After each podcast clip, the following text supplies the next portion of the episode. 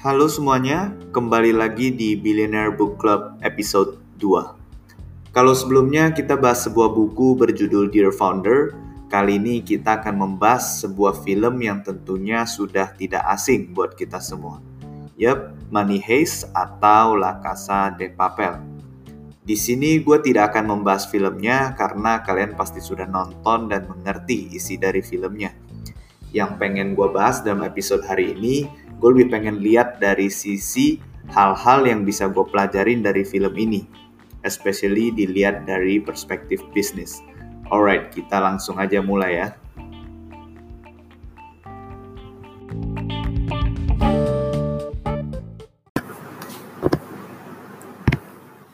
Jadi seperti yang teman-teman sudah tahu, film ini kan dimulai dengan adanya The Professor, yang mengatur semua plan dengan timnya untuk membobol dan mengambil alih ruang produksi guna untuk mencetak uang yang mereka inginkan.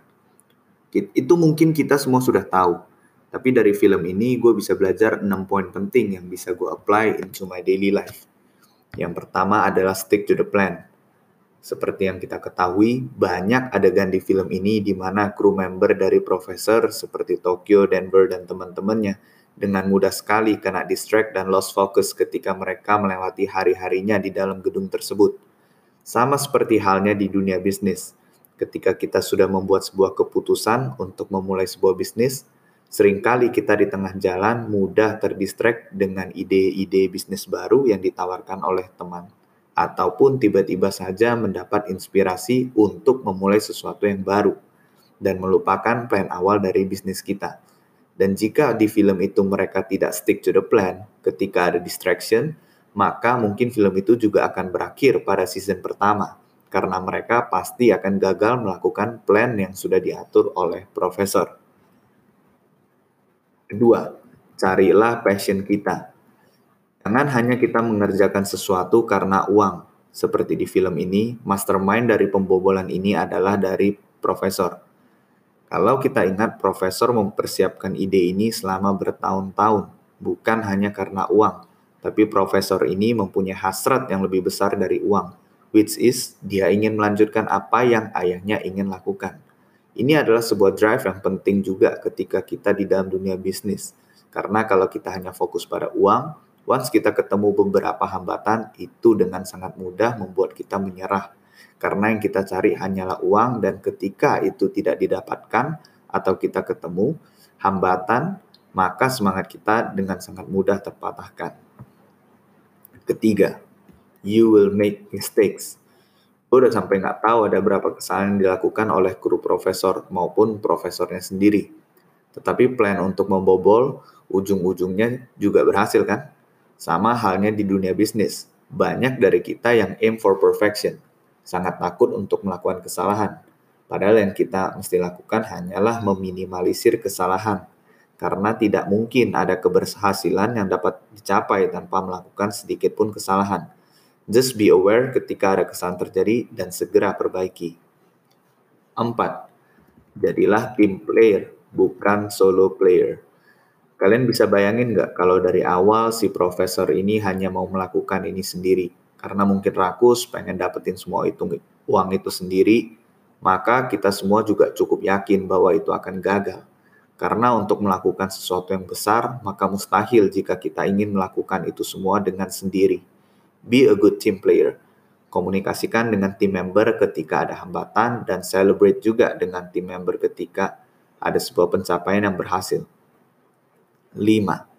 Jangan campurkan personal issue dengan bisnis. That's why di awal profesor mau anti-wanti bahwa jangan sampai kenal identitas asli dari masing-masing kru dan tidak boleh ada hubungan spesial di antara kru member. Dan kita perlu ingat bahwa banyak perusahaan di luar yang melarang adanya karyawan yang berstatus suami istri di dalam divisi yang sama. Karena dengan ada hubungan pribadi, maka banyak keputusan yang diambil menjadi lebih subjektif daripada objektif. Poin terakhir tentu saja datang dari lagunya sendiri yang berjudul Bella Ciao atau Goodbye.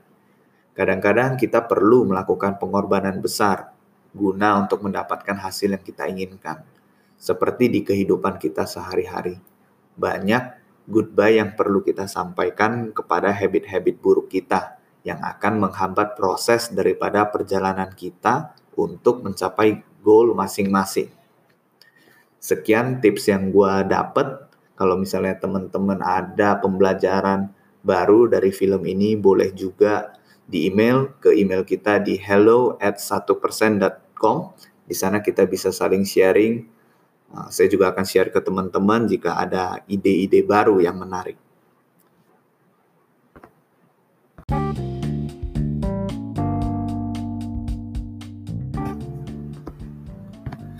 Daily tips hari ini adalah celebrate your imperfect progress by using data.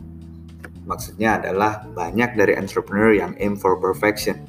Ketika kita menemukan suatu kegagalan kecil di tengah perjalanan kita, kita sering kali membuat satu asumsi bahwa kita telah gagal melaksanakannya dengan baik.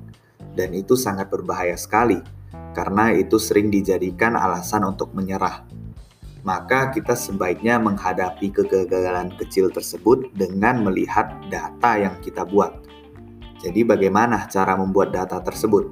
Sebenarnya cukup simpel. Hanya dua data yang perlu kita keep track.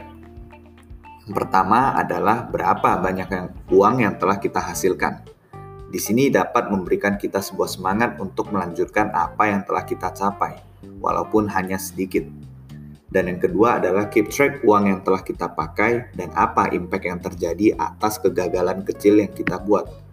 Di sini juga kita dapat melihat secara real berapa banyak uang telah kita habiskan untuk proyek bisnis ini dan apa akibat dari kegagalan kecil yang telah terlanjur kita buat.